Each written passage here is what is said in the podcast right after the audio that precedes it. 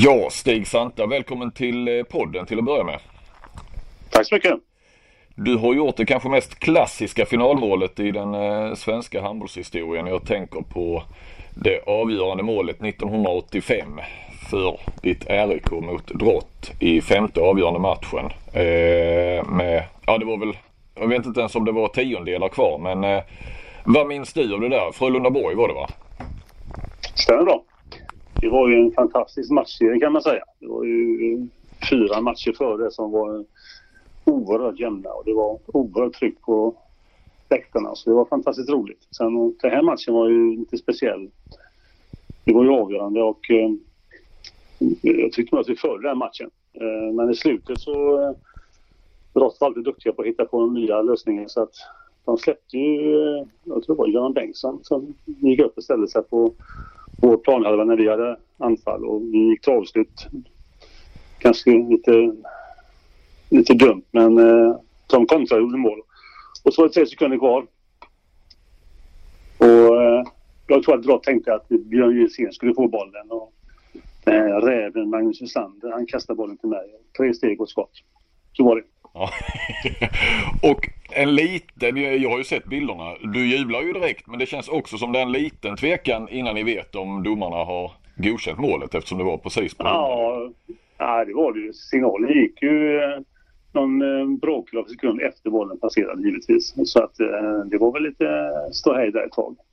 Det var ju också så att matchen var ju slut och vi var ju trötta både jag och Thomas i målet där. Och han visste ju vad jag sköt och jag visste att han visste vad jag sköt och ändå sköt jag där och den gick in. Du sköt där du brukade skjuta då menar du eller? Ja i princip. Man har ju sina lägen och sina favoritskott och då är man trött då, då kommer de fram. Och där satt han nere i hans högra och han hann inte. Det, hur var eh, rivaliteten där då? Det här var ju då första SM-guldet på väldigt många år för, eh, för RIK. Eh, och, och Drott hade väl vunnit ett, eh, i varje fall något år där innan. Året före ja, i varje fall. Eh. Ja, Drott var ju ett fantastiskt lag kan man säga. Så att de hade ju haft, eh, varit i slutspel och spelat om seger många år där. Eh, och RIK hade gjort en satsning då med 64 som kom upp där. Och, så det var väl en, en, en satsning som höll och det kanske året för tidigt eller något, år tidigare än man trodde att vi gick hela vägen. Men det, som sagt det var, en, det var ett härligt lag det också som växte fram där. Ja, vi ska återkomma till det laget men vi kan väl ta det lite grann från början. Hur, eh, hur hamnade du i, i RIK?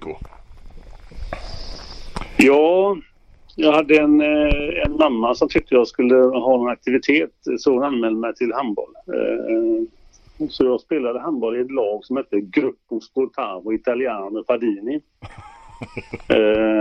ja. Lite halvfräckt. Ett lag i Gamlestan i Göteborg. Varför hade du det eh, namnet då? Var det... Ja, det var så att det var, det var en italiensk fotbollsklubb egentligen eh, från början. Och de, eh, de hade namngett sitt lag efter... Eh, det var ju Milan kraschade ju med plan för många herrans år sedan. Och då drog de ett namn ur en hatt där och då blev det Fadini som jag tror han var back i Milan. Och så bildades den klubben. Den hade en fotboll och handbollssektion. Och jag började i fotbollen där i, i, med, tillsammans med en klasskamrat. Och sen så drog han med mig till handbollen också. Så där började jag. Ja. Eh, och sen blev, spelade man ju så här pojkserier och så mötte vi RIK och i RIK hade jag en klasskamrat. Eh, som sen drog upp med RIK någonstans i, jag tror 13-14 år. Ja. Så, så hamnade jag där. Och gjorde debut tidigt i A-laget. Du var inte mer än 15 va? Det måste väl varit där 74 eller någonting? När, när... Nej, det var, väldigt, det var väldigt tidigt kan man säga. Jag, hade ju, jag var ju lång på min ålder och, och äh, hade kontroll på mina lemmar så att det, var mycket följd på det. Och, och äh, laget var ju, hade ju tappat lite kvaliteter. Så RIK var ju på väg ur, äh, ur högsta serien och så vidare. Och då fick jag chansen. Jag tillsammans med en kille, Tore Brännberg. Ja. Han var väl ett år äldre än jag var. Men vi var, vi var ganska unga. Eh, men du var det? Du var inte mer än 15 eller något sånt va? Nej, jag var 15 år. Ja, ja. Och så var det några år i, i division 2 då, alltså näst högsta serien. Eh, till att börja med. Och sen gick ni upp 78. Mm. Och var Den serien, det, det, det, var ju en, det var ju en lärresa. Där mötte man ju gamla rutinerade handbollsspelare. Det var ju ofta eh, småknep, fula knep hit och dit. Så man lärde sig mycket de åren i division 2 kan man säga. Det gjorde man faktiskt. Var det där du blev lite elak eller? Hur menar du? Spelade du inte rätt så, eller kunde du inte spela rätt så tufft senare? Ja, det jag inte jag tycker. Alltså, det, handboll är ju ingen sport för de som inte vill spela tufft. Det är det, är det som är det roliga. Det är en rolig sport. Och, eh, jag, var väl, jag fick ganska mycket stryk och jag gav väl tillbaka lite också kan jag tänka mig. Ja. Eh, men det var en, en fyra säsonger i, i tvåan där ja och sen så gick ni upp. Eh, Mm. eh, ja precis, så var ni uppe i en fyra säsonger. Och Ja. sen nere och vände säsongen 82-83 om jag har läst rätt. Det var väl eh, då Heim eh, var som bäst och hade sitt eh, ja, köpelag Ja, kan jag tänka mig att, att man kanske tyckte Precis. Eh, de vann Ja, eller de vann 82 och 83 i varje fall och så och Ja, den, deras då andra guldsäsong så åkte ni ur. Hur, hur var det då i Ja, hur kändes det som Göteborgslag? Eller vad, hur var rivaliteten där? ja alltså vi... Jag såg väl eh, hem som en eh, lite annan division än vad vi spelade. Vi var ju ett, ett, eh, ett kompisgäng kan man säga mycket. Som, som var antagligen väldigt tunga att möta. För vi, var ju, vi kämpade och slet och gav oss aldrig. Men vi hade inte de kvaliteterna som gjorde att vi skulle kunna vara kvar där vi var. Det, så, så enkelt var det. Mm. Eh, Så, så det, man kände väl sig i efterhand att eh, föreningen jobbade med kanske med att hålla oss eh, flytande så länge som möjligt tills eh, den här generationen 64 kom upp. Eh, Så att det, det var väl det det handlade om egentligen. Och då kom ju den här eh, generationen 64. Eh, det, det, det, det, I historien snackar man ju om en, om en utrensning i RIK. Eh, där väl, Ja. när var det? Var det då året ni Ja, åkte det var när- ur, eller? Ja, ja, men så vi, var ju, vi åkte ur, vände och åkte, gick upp igen. Och då, eh, när vi åkte ur då så skedde ju en, en ja, utrensning kanske var ett tufft ord, men det var en, en klar eh, förändring av lagets, eh, lagets spelare. Så var det. Eh, och det var lite så, de gamla ut och, och så då de här unga in som då var en 18, 19, Ja, 20. Precis, och där hade ju föreningen lagt ner ganska mycket energi för att få ett, ett gäng som spelar ihop sig. De var ute och spelade många turneringar och var, blev, blev vana vid handboll på, på eh, hög nivå redan som juniorer där kan man säga. De var ju jätteduktiga när de kom. Vilka var då det? Det är Wislander förstås ja. Ja, Jan-Erik Johansson och Torbjörn Pettersson och Johan Eklund och ja, det var ett gäng där som 64 som kom upp. Uh, sen var det någon som var med tidigare, Magnus Cato var, han var, han var yngre. Dennis Sandberg var en till som var med också. Mm. Per Karlsson kom från Varta till oss. Och det, ja, det, var, det var ett eh, riktigt bra gäng. Joakim Damm i mål var ju också en som Ja. Där du och såklart några till var ju kvar som blev lite brygga mellan de gamla och, och jag menar du var ju inte jättegammal då. Då var du en, eh, vad var du, 25? Nej, det var inte. Ja. Ja.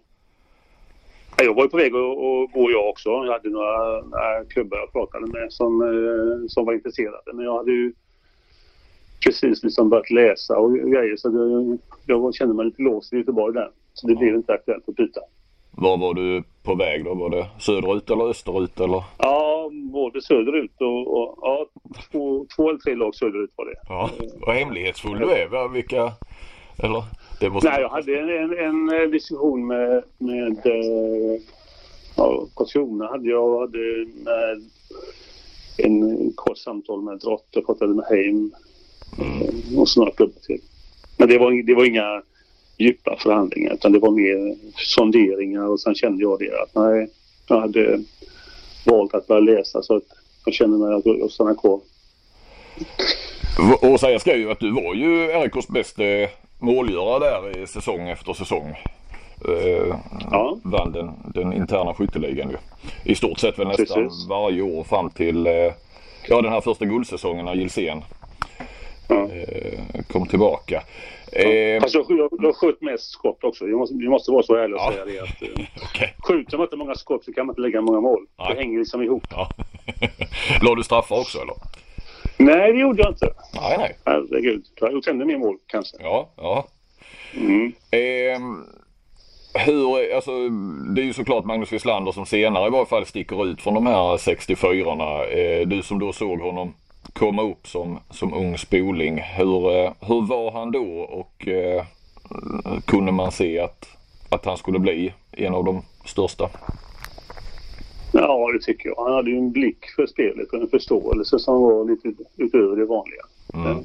Så att ja, man såg nog tidigt att han skulle bli någonting utöver det vanliga. Det gjorde man faktiskt. Och sen hade han ju en inställning. Han, han kan lukta som loj och lite slö men han hade ju en, en järninställning på det han gjorde. Mm. Uh, så det, nej, det såg man tidigt. Hur påverkade det här liksom laget då? Att de unga kom upp? Kom de upp med någon annan attityd eller eh, fanns det, eller varför, eller var de bara skolade längre och varit ute då som du sa på turneringar kanske utomlands också och haft bra tränare eller vad var det som gjorde att eller var det ett gäng? Ja, det, var, det, var, det var ett gäng vinnarskallar som kom upp kan man säga. Mm. Alltså riktiga tuppar i regeringen där. Så det var ju, det var ju att visa framför mig själv fast jag var äldre så för att få eh, få en plats där. Så, så, det var en helt annan mentalitet som kom upp än 64. Mm. Mycket kopplat tror jag till uh, Reine Pedersen som hade jobbat mycket med honom som tränare. Han, uh, det var en riktigt tuff uh, mentalitet som, som gynnade hela lagets utveckling. Och jag som då kom från det här kämpande gänget fick, fick en utmaning som var väldigt spännande på sig. Ja.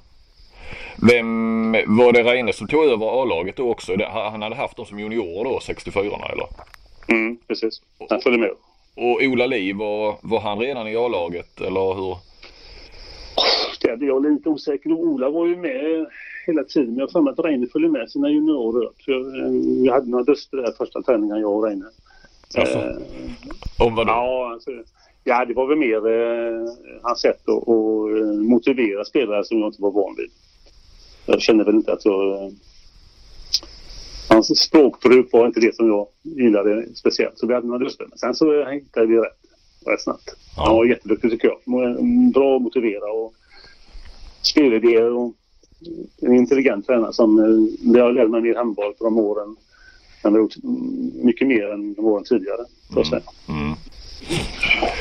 Och så blev det då att Reine och Ola Li var det väl som, som tog över laget så småningom va? Ja, det var ett riktigt bra röra på, röra på för sig. De var jätteduktiga. Alltså det, det, det, blev, det blev teoretisk handboll också. Det, det hade vi inte haft tidigare. Men det är inte jag åtminstone. Jag har ju haft det via landslaget där några år. Det är inte så utstuderat som det blev där vi pratade handboll. Vi hittade lösningar en och en, två, två, tre och tre och så vidare. Så att det var, ja, det var väldigt bra. Du spelade ju med Ola Li eh, innan, innan han blev tränare då. Hur ja, var han som spelare då? Det har jag aldrig pratat med någon om. jag tror inte han vill det heller om jag ska okay. Ola var, var mittsexa och han var inte så himla stor. Nej. Men, men intelligent var ja. så, att, eh, så han visste vad han skulle göra men han var inte alltid den som klarade av det för han var inte så stor. Men han var, han var som sagt en, en gedigen spelare och kunde mycket. Vad var dina styrkor som spelare? Varför blev du bra i handboll? Ja, för, först och främst hade jag ju en talang när jag var ung då. Det, rätt tidigt så jag fick ju, en, fick ju möjlighet att spela väldigt mycket. Och, och spelar man väldigt mycket på en position så utvecklar man ju också kunskapen kring den. Och, och sen så hoppade jag ganska högt och, hade, och kunde liksom läsa ut var målvakten tog vägen. Eh, och fick jag då inte för mycket stryk så, så sköt jag eh, bra. Gjorde jag. Ja. Och senare så, så när vi, eh, ja, efter 84-85 där, så när Per Jesén kom till, eh, till laget och då utvecklade vi ett, ett, eh, som jag tycker, väldigt bra spel. Vänster 6, vänster 9. Som jag egentligen saknar mycket i, i dagens spel. Det är några som är duktiga på det men att, att Erik hade ett spel som byggde mycket på att vi spelade utåt i kanterna i spel och drog isär i mitten. Ja, ja. Och det gjorde vi det gjorde vi bra tycker jag, jag och Per. Mm, mm. Eh, stämmer det att du gick före Björn Gylsén i, i ungdomslandslag eller juniorlandslag? Det var någon som nämnde det eh, för mig. Eh, ja, alltså, ni är ju 59 år båda ja. Ja, gick före. Det var, ju, det var ju så att jag hade ju spelat A-lag eh, ganska länge sedan jag var 15 år. Så, så det fanns ju liksom en eh, en tid där jag som eh, hade spelat kanske lite mer på, på den A-lagsnivån än Björn hade gjort. Ja. Sen så, så det var väl ett val som han gjorde där. i samband med ungdoms-VM. Och jag blev valet där. Ja. Det där UVM 1979 är ju bland de som har varit med ett tag och, och liksom är lite handbollsnördar och nostalgiker och sådär eh, lyfter ju fram det. Det var ett, ett, alltså ett UVM i Danmark. Det var väl året efter eh, riktiga VM hade varit i Danmark. Mm. Där man fick då några av de här allra största genom tiderna kom fram. Det var ju Kasakevich, Sovjetunionen som det hette då, Vitryssen där på kanten. Va? Eh, Vujovic mm. var väl med, Isakovic, eh, vänstersexan, en elegante i Jugoslavien. Veje Rasmussen i, i Danmark. Eh, och vad hade ni? Ni hade ju, ja, förutom du då, var det Mats Olsson i mål. Ja, Mats Olsson. Ja. Och det eh, var ett gäng från Skåne och Göteborg som spelade där. Eh, Mats Olsson och jag delade rum. Det var intressant. Ja. Eh, han pratar ju skånska där än vad du gör kan jag säga. Och när telefonen ringer i rummet så börjar han prata stockholmska. Och det fattade jag aldrig. Men han, han hade ju släkt i Stockholm så han bytte ju dialekter där. Det var en rolig period där. Han fick eh, prata med två dialekter när man mötte honom. Ja. Men, men, men, det var bra gäng och det var ju Sverige-Danmark som hade turneringen. Mm. Vi mötte ju Jugoslavien tror jag i Lund. Jaha, ni, man spelade äh, även i Sverige? Okej. Okay. Ja, det hade jag Ja, precis. Mm. precis. Och eh, då var ju det här gänget med där. Det var ju, eh, det var ju första gången jag insåg att eh, Sverige låg ett, ett par mil efter kan man säga. Den matchen i Lund var oerhört traumatisk kan man säga. Vi blev överkörda efter 10-12 minuter. Så det var, där fick man se framtidens världsstjärnor. De mötte mig där. Ja. Ja det var väl fler. Jag nämnde Vujovic och Isakovic. Var det inte, vad heter han, Svetkovic och var de också med? Jag vet att de är i samma ålder. Jag vet inte om de var med där men de var ju med. Ja nej jag är osäker. På, jag kommer inte ihåg det egentligen. Jag kommer bara ihåg att jag känner mig överkörd. Ja. Det, det kommer jag ihåg. Ja. Sen sen mötte vi Danmark i Köpenhamn där matchen tredje pris. Det var en, det var en rolig match. Det får jag säga. Det mötte vi och, så vann vi den matchen. Så det var ju, och där var ju med. Det var ju en, en rolig grej. Mm. Det blev brons där ja. Det blev brons, ja. Det var väl eh, första, brons, eller första medaljen på länge då för svensk handboll egentligen. Ja. Så det var ganska roligt. Men det blev bara 11 A-landskamper om jag har eh, sett rätt där. Och det var väl eh, då nästan säsongen efter där då eller ja, 79-80 i den vevan va? Ja precis. Så var det. Va, eh... Och det, det, det, det kom ju... Eh, nu tappade jag hans namn ju. Ja, ja. Det kom ju ett träningsprogram från eh, landslagsledningen där. Från ja, Roger Karlsson, Ragge. Ja. Eh, vi hade samtal med där det gällde liksom eh, och då var det ju all in egentligen och jag, då kände jag det att det, det höll inte för mig ja. privat. Och på den tiden så var ju handbollen en, en bisyssla, en, en fritidssyssla mer eller mindre. Ja. Så att det var ett val.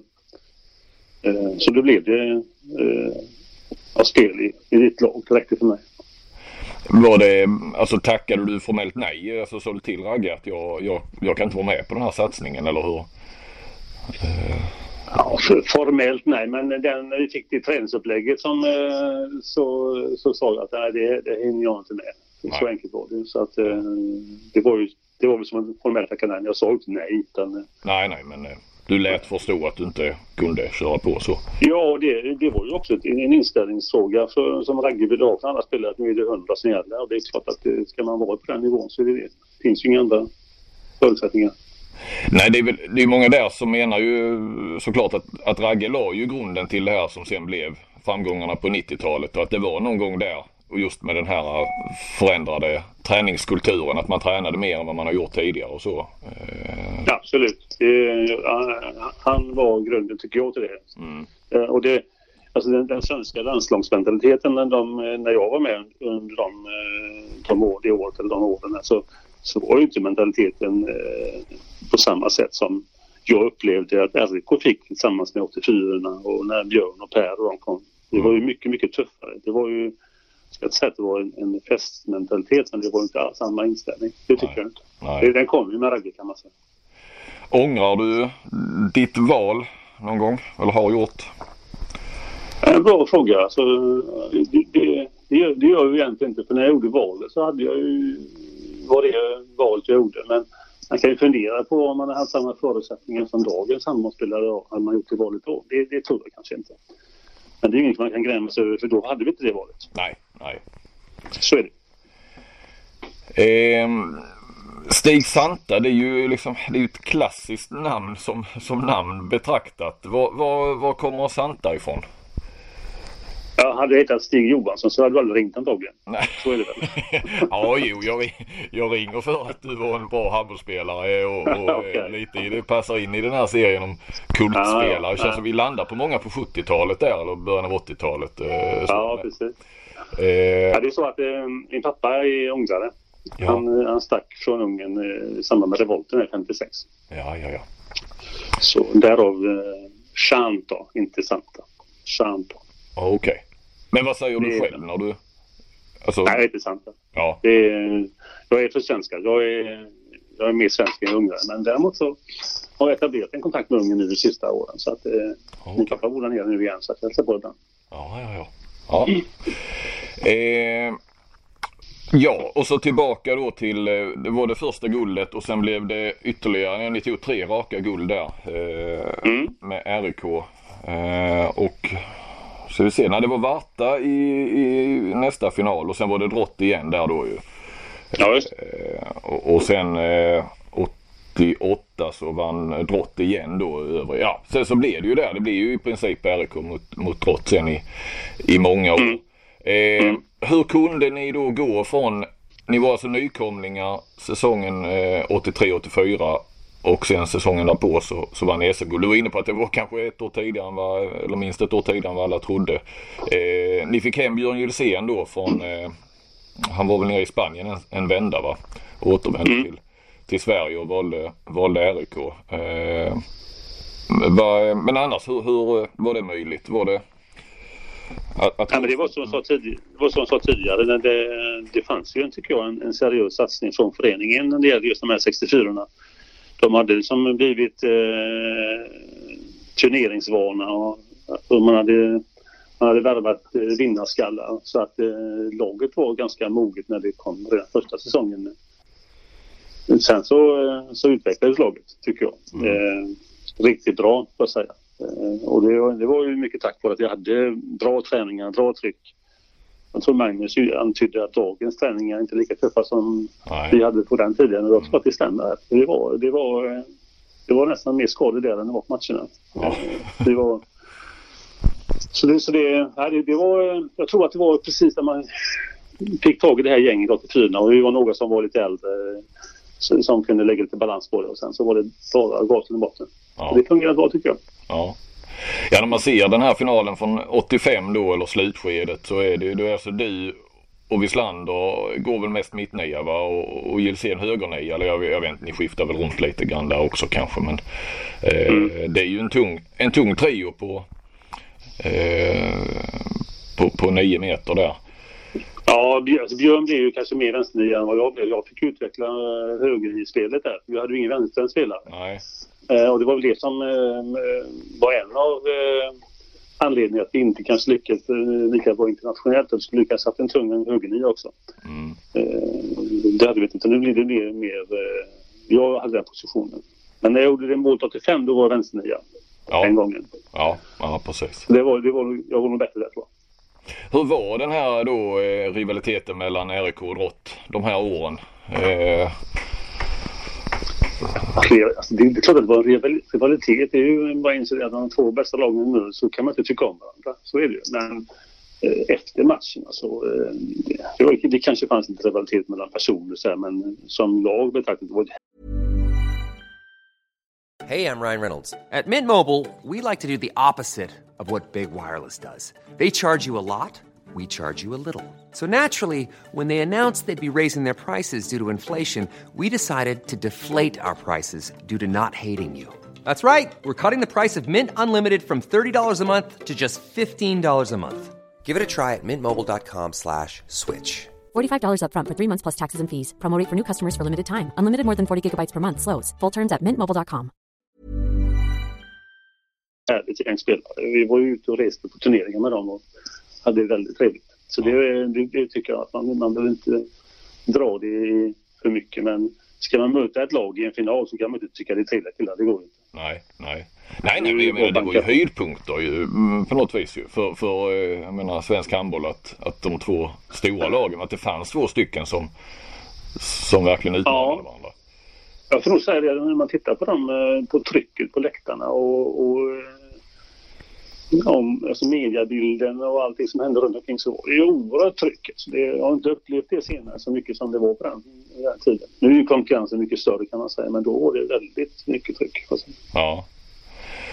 Ja det är väl dit man vill kanske lite grann. Eh, det är ju drömmen nu när man går tillbaka till fem bäst av fem finaler då istället för den här enkla eh, eller enskilda SM-finalen. Att få den här typen av, ja som ni hade då 85 där. Ja, alltså en, en, final kan ju gå hur som helst egentligen. Det är ju bara att inse det. Att du kan ha en dålig dag eller två slutningar så är den matchen körd. Liksom. Så det är klart att det, det är en orättvisa i det som jag tycker man, man kanske kan hantera. Samtidigt så måste man ju bygga upp intresse för, för, för de här matcherna. För, för tomma läktare, då är det inte roligt att spela heller. Nej, nej. Eh, när jag tittar i den här fantastiska eh, boken om, om RIK som kom för ett par år sedan. Eh, du, så var du med där, eh, ja SM-gulden 85, 86, 87. Sen hittar jag inte dig eh, i, i, statistiken där sen på, på några år. Eh, var var du då? Då var jag i Alingsås. Det var så att eh, Ove Blomgren som jobbade som, eh, som var mittnia i RIK, riktig fyrkantig gubbe, stor och stark. Eh, han eh, skulle sluta och jag kände liksom att har man vunnit tre SM-guld, vad blir då ett fjärde? Det var liksom eh, en fundering. Så då valde jag att nej, eh, nu prövar jag något annat. Och så satsade jag på karriären kan man säga eh, mm. istället. Och då följde jag med Ove till Alingsås. Och jag, då låg de i division 2. Ja, näst högst. Mm. Ja, precis. Mm. Nej, nej. Nej, tredje ligan blir det. Ja, tredje, ja. Mm. De hade alltså en, en ambition att, att gå upp eh, i seriesystemet. Mm. Eh, så jag var spelare väl där i två år. Så gick vi upp eh, andra året. Nu de, ju, de gjorde också en gedigen satsning och det, det syns ju. Det håller ju inte än. Det håller ju än. Alltså, de är ju riktigt duktiga. Ja, du var med då när de eh, när de gick upp? I början, ja. i början på deras resa ja. ja. Jag gick upp en serie med dem och sen så gick de, kom de upp några år senare till eh, högsta serien. Mm, mm. Och sen återvände du till RIK? Eller?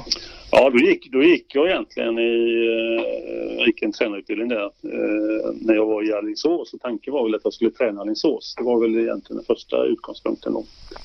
Men sen när jag var klar med utbildningen och så, eh, så var det lite stökigt i, i eh, RIK så ringde de mig och frågade. Och då, det var kanske inte det bästa valet i livet med, med en or, orutinerad tränare som egentligen kom som spelare till eh, sen blev tränare. Men eh, det var väl kanske en, en sätt för föreningen att, att kunna hålla igång under några år innan man gjorde en ny satsning igen. Hur länge var du? Då kom du tillbaka och så var du spelande tränare då, då 90-91 eller? Nej, jag spelade, jag spelade några minuter bara. Det var inte meningen jag skulle spela. Jag hade lite problem med, med handleder och, och, och eh, hälar och så vidare. Så att jag hade ingen lust att spela. Men det, 42 de såg väl en möjlighet. Hur det? Ja. Herregud. Ja. ja, det minns jag inte. Det var ett mål, ett mål mot Sävehof tror jag. Men det är det enda. Ja, okej. eh, ja, och då åkte ni ut i kvartsfinalen 91. Eh, mm. Eh, var du, nu har, ja, för nu har jag dålig koll. Hur länge var du tränare i RIK då? Ja, det var det året. Nu blir jag lite osäker här själv. Det låter ju bra. Uh, men det var inte alls. Jag var, jag var en övergång kan man säga till Ola Lie kom tillbaka igen uh, som tränare. Ja, okay. så, så det var egentligen bara för att jag tror föreningen började andas lite och, och ta ny fart. Jag med mig som övergångstränare där. Och då kände att spelarna kände mig så det var ju jag tror att spelarna också eh, tyckte det var okej att, att, att jag tog den, den rollen under den perioden. Ja, ja. Ja, det var väl då Stefan Löfgren kom upp va? Eh... Ja, och Jerry Hallbäck och det kom ju då också. Ja. Så det var ju på väg till en ny eh, blomstrande period där. Ja precis, som sen, eh, som sen kom där ja. Eh, Några år Precis. senare. Så jag, jag gräver grunden kan man säga, så Ja. att de andra bygger vidare. Ja. Grovarbetare är jag. ja. Så, så får de andra credden sen. Ja, precis. Eh, vad, hade du några, alltså, under di- dina bästa år som, som spelare, hade du några proffsanbud då? Det, det var ju inga som blev proffs väl nästan förrän Gilsén och, och Claes Helge. Men jag pratade ju med Lurch Andersson och han hade ju lite sådana här eh, sex månader i, i Spanien och sådana eh, lite lösa förfrågningar i varje fall. Så det var ju aldrig något riktigt så, något längre. Hade du någonting sånt eller hur, hur gick det? Ja, jag hade eh, några lösa. Men alltså, det var ju antydningen bara. Det var inte... Det var när man satt där och tog en kopp kaffe och pratade om... eh, Så fanns det några så här i Spanien och... och eh, jag tror det var något i... Nej, det var Spanien. Ja, Men det, det var ju... Det fanns inte på kartan egentligen på den tiden på samma sätt som det är idag. Nej. Idag är det ju nästan... sticker ju folk innan de är mogna. ja. Så att det... Det var inte alls på samma sätt. Vad, eh, du sa, nämnde där innan i förbifarten att du pluggade. Eh, vad, vad, ja, vad, vad blev du? Vad jobbade du med under karriären och vad har du jobbat Ja, jag har jobbat eh, inom kommunen och blev lärare eh, klar 84. Och så har jag jobbat som lärare och som rektor och som skolchef och så vidare. Mm. Eh, så att eh, det blev ju för mycket att hålla på med handboll på elitnivå när man klev in i yrkesrollen. Det gick inte. Så hade jag barn och eller familj och grejer så det var ju Ja, det, var, det var ett lätt val då att eh, välja bort det, landslagssatsningen. Eh, hade man haft eh, handboll som en, en, en sy- huvudsyssla så hade det kanske varit spännande att pröva. Så är det. Fick man någon ersättning från RIK? Vad sa du? Fick, du, fick man eh, något betalt som handbollsspelare i RIK? Jag tror, jag tror att det är preskriberat nu. Okej, okej. Ja, jag förstår. Jag förstår. Eh, Vad... Eh, när slut, slutade du spela? Eller vad, hur, hur, hur, hur fortsatte så att säga handbollslivet eh, efter sen- 91 där då? Eller? Ja, efter RIK så, så slutade jag och sen så eh, och jag tränade i några mindre, ja, i AL utanför Göteborg och sen så eh, stannade hem ett år också som, men det var mer bara på, på för att liksom hålla igång lite själv och inte släppa handbollen så abrupt. Eh, men intresset var ju ganska, det var svalt kan man säga. Det Var du var spelande tränare då eller? eller hur? Nej, det var jag inte. Utan eh, jag gick in kanske gjorde någon match, men det var ju mer om det saknades. Det fanns ingen spelande tränare. Jag hade problem med, både fötter och händer så att eh, det, var, det lockade inte. Nej, nej. Eh, men sen när jag, när jag ser någon sån här faktaruta i, i RIK-boken så står det Sävehof. Som sp- både spelare och tränare. Var du... Nej, inte som spelare, men jag har ju tränat eh, Sävehofs eh, ungdomslag. Eh, vi bodde i Partille och, och mina barn spelade i Sävehof. Så jag var med och tränade eh, Sävehofs juniorlag där ett tag. Ja okej, okej. Ja, Mm. ja. Då kanske jag läste fel eller så stod det fel. Eh, och sen, det minns jag ju lite kort då för då har jag ju börjat i det här jobbet. Du var ju inne som ordförande där 2006 i RIK. Hur, alltså hur länge satt du i styrelsen? För det var väl så att du... Eh, Ja, det var, det, det var ju också en period där, där eh, det var tungt, tungt för föreningen. Det var, eh, ekonomin började gå riktigt dåligt och, och föreningen saknade egentligen folk som ville vara med i styrelsen. Och då, då frågade de mig och eh, jag hade svårt att säga nej till RIK kan man säga genom åren. Så då, eh, då gick jag in i styrelsen där. Som någon form av, vad man kan kalla det, elitansvarig kanske. Sådär. ja, Men det, var, det, var, det handlade ju oerhört mycket om ekonomi. ja. Det var ju det som var Det var där 2005, 6 Ja. där någonting ja. Ja. Och då hade vi eh, ordföranden och så det, han, han ville inte fortsätta som ordförande. Då gick jag in. I och med att jag var vice ordförande så tog jag över ordförandeskapet under en period. där. Men eh, jag ville inte fortsätta med det. Så det var ju den övergångsperioden. ja. Du ville egentligen inte väl men, men det blev väl, någon måste. Eller man blir det kanske. Ja, precis. Eh, exakt så är det. Ja. Någon måste ju sitta och hålla i den. Så det, sen var det ju väldigt mycket diskussioner kring de spelarkontakten vi hade, hur de såg ut och, och de var ju... Ja, vi hade inte sådana förutsättningar som de kan ta en gång. Så det var ju omförhandlingar och som vi höll på med. Och det var ju det var inga det var inget roligt kan säga men det var vi tvungna att göra. Ja det var det som, som hamnade, det blev väl rättegång eh, där till slut va med ja. Frändesjö och... Eh... Ja Frändesjö var ju, en, var ju en fråga, sen hade vi en annan fråga kring på arbetsdomstolen som vi, som vi vann då. Men att det, det här handlar ju egentligen om att RIK var tvungna att krympa sin ekonomi. Ja. Radikalt kan jag säga. Och det, det här handlar ju om att man har gjort satsningar mot Europa och så har man nästan lyckats. Och när man nästan lyckats så blir det oerhört dyrt. Mm. Lyckas man så ramlar pengarna in och lyckas man inte då, då kostar det skjortan. Hur kändes det då att, att få, i princip klev du in efter eh, satsningen? Hade, hade eller var du med när det satsades eller kom du med? Nej, det var efter. Mm. I, i, sluttampen när, när det inte bar sig längre. Ja. Eh, då, då, eh, då var det ju egentligen... Eh, då tappade vi ju sponsorintäkter och vi tappade ju lokal med spelarkontrakt som vi inte klarade av. Så det var, ja, det var en tuff period faktiskt. Det, får det, var, det var inget roligt. Nej, nej. Nej, det förstår jag. Eh, och sen eh, efter den tiden då där ordförande och styrelsen, hur, eh, har, du, har du haft någon roll i RIK eller har du bara följt det som eller vad, vad, Nej, nu har jag varit besserwisser på läktaren. Det ja. kan man säga. Ja. Det har jag haft eh, det sista här. Sen är det jätteroligt att se, men föreningen är ju, är ju tillbaka och, och dilemmat för svensk handboll är ju att våra talanger försvinner tycker jag alldeles för tidigt. Mm. Så vi får ju liksom inte se dem så mycket i svensk handboll. Men det är en oerhört duktig förening när det gäller att utveckla spelare. Mm. Och det är, även dagens eh, RIK är det är fantastiskt att se de här killarna komma igång. Sen så försvinner de ju tyvärr alldeles för fort. Men eh, jag, jag förstår dem. Det hade jag också gjort om jag varit dem. Ja, ja. Så eh, är du i princip alltid och, ser du alla hemmamatcher? Nej, jag, ska, jag måste bara säga det. Jag, jag ser dem när jag känner att jag är uh, sugen att kolla på handboll. Och det är inte alltid. Så man, man, man blir ju bortskämd nu för tiden. Det finns ju så mycket och, som konkurrerar. Och sen, sen har man ett jobb som tar sin tid också. Så det, nej. Men jag, är det så mycket jag kan kan jag säga. Mm. Eh, vad tror du om RIK i, i eh, RIKs framtid då? Kan de bli ett, ett, ett riktigt topplag igen?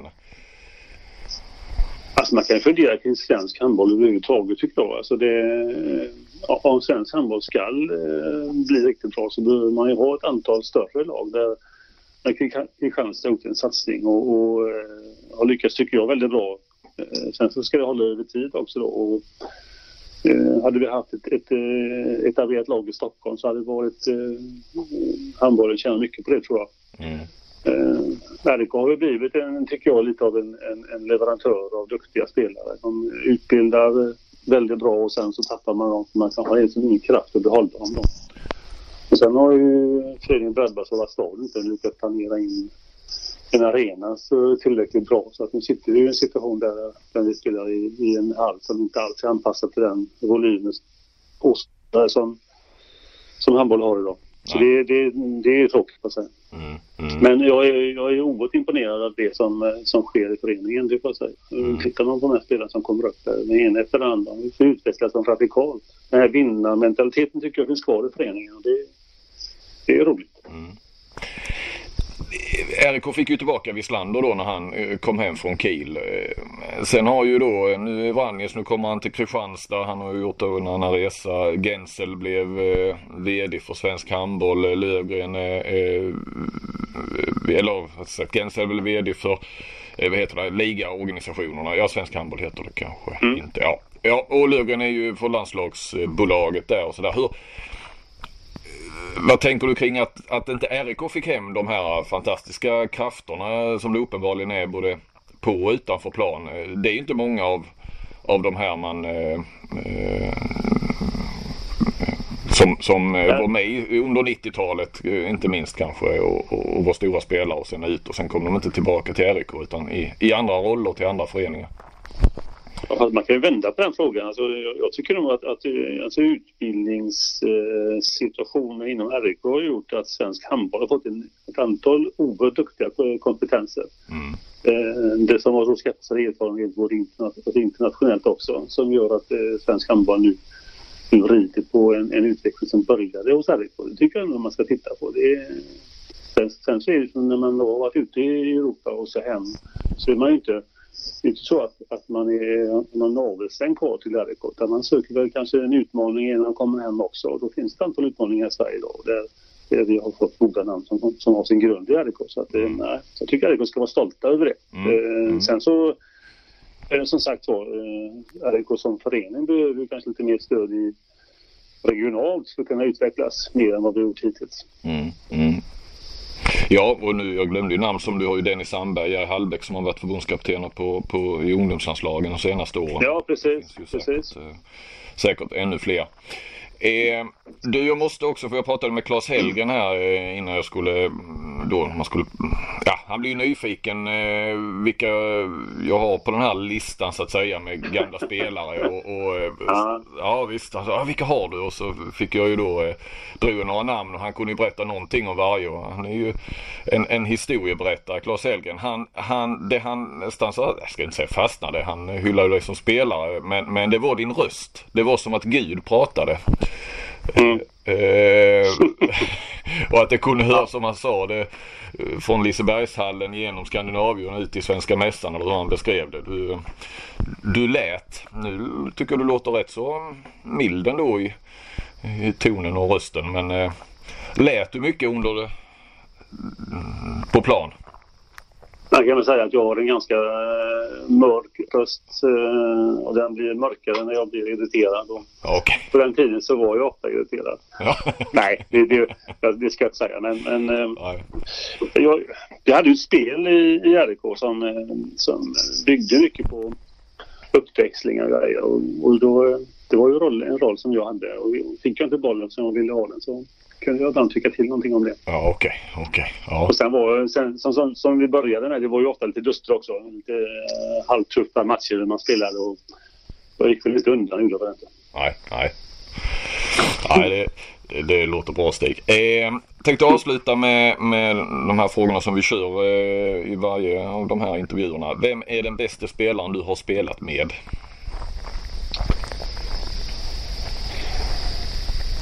Är ju Magnus. Det får jag säga. Mm. Han, eh, han tillförde oerhört mycket. Intelligent spelare. Och ödmjuk tycker jag. Mm. Mm. Vem är den bästa spelaren du har mött?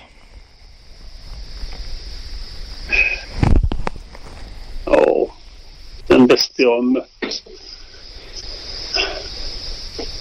Den, den uh, roligaste jag har mött det, det är ju nu tappade jag hans namn. Han är drott. Einar Jakobsson. Ja. Det är ju den roligaste spelaren mött. Ja. Det, det, får jag säga. Och, många var ju oerhört duktiga och de var stora och starka och sköt fruktansvärt hårt. Men Einar var ju en riktig lirare. Ja. Där kunde man bli... Man kunde bli bortlurad utan att förstå vad som hade hänt. Han och Jörgen Abrahamsson, det var, det var roliga spelare tycker jag. Ja. Så att eh, i, i ett eh, i ett kvalitetsperspektiv och göra sporten rolig så är en sån som var en jätterolig och en annan var ju Jubbo när han spelade. Se den här mannen springa runt benen på stjärnor. Det, ja. Ja, ja. Nej, han var rolig spelare tycker jag. Ja, ja. Inte då, men när man tänker tillbaka. Ja, jag man stod där och blev förnedrad så var det så halvroligt kanske. eh, största ögonblicket i karriären?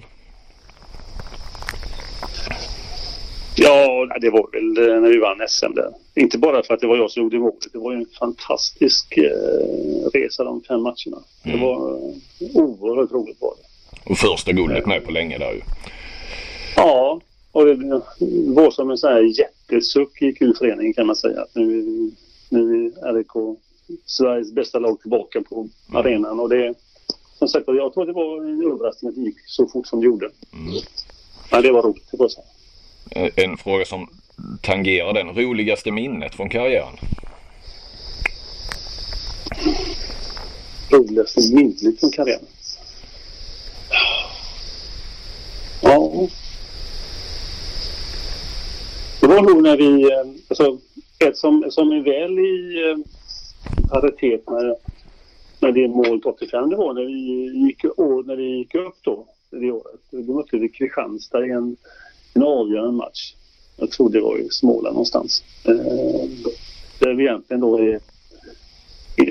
Vi ska inte gå upp första året egentligen utan vi ska etablera oss och sen ska vi gå upp. Då går vi upp redan första året och sen vinner vi första året också. i serien, eller i, i elitserien. Där då. Så att, ja, det var roligt. Den matchen är också ett roligt minne faktiskt när man åker dit ner och åker hem som allsvenskt lag. Varför spelar ni i Småland? Eller skulle det vara på neutral plan då?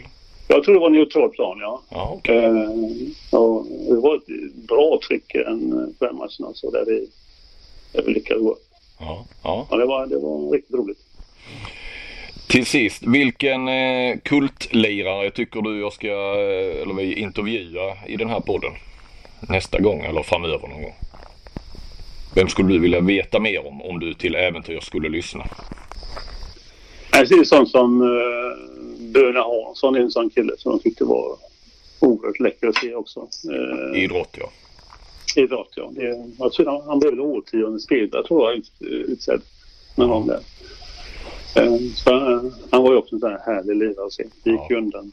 Han dansade banan. Det var ju roligt. Ja. Så, eh, ja. En sån spelare. Sen finns det många i RIK tycker jag också men eh, Böna är en sån kille som tycker man kan, kan, kan lyssna på. Mm. Hur är, har du kontakt eh, med gamla RK, alltså ni som spelade då på 80-talet? Finns det, ses ni någon gång eller, eller träffar du gamla de här som ni hade eh, mötena med Drott och så? Eh? Ja, det, ja, inte...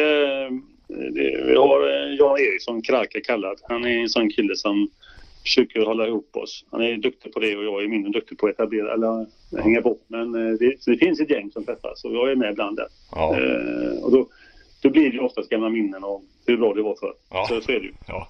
Vi minns ju sällan de här tråkiga historierna som vi har en, vi har en, en finalmatch mot Drott där vi inte ens är med på banan. Alltså det är en rolig historia. Ja, ja. Och alla tror att vi, att vi spelar för att vi ska höja oddsen i nästa match. Det, de minnena pratar vi aldrig om. Det är bara de roliga Ja, ja, precis. Ja. Men stöter du på några gamla drottspelare då? Jag tänker på som jag, Böna och Göran Bengtsson och Abrahamsson och Ja, det är en hemsk sanning i det här. Det är så att jag utmanade, blev utmanad av Ulf Månsson på en golfmatch i Tylösand för något år sedan. Ja. Vi var ju drabanter kan man säga på den tiden. Ja. Så vi möttes i Tylösand norra. Det var spännande. Ja, men då hade han hemmaplan så det var därför det... Ja, och därför han kom tvåa. Ja, ja. ja. ja, mycket trevligt att eh, prata med dig Stig. Eh, ja, tack själv. Det här, eh, ja det var riktigt intressant. Många, många spännande grejer du hade att berätta där och, eh, och så. så att, eh, jag tackar så, eh, så rullar väl den här serien med gamla kultspelare vidare. Ja, det låter bra. Ja. Jättetrevligt. Okej. Okay. Mm. Stort tack. Okay. Ja, tack själv. Tack, tack. Hej då.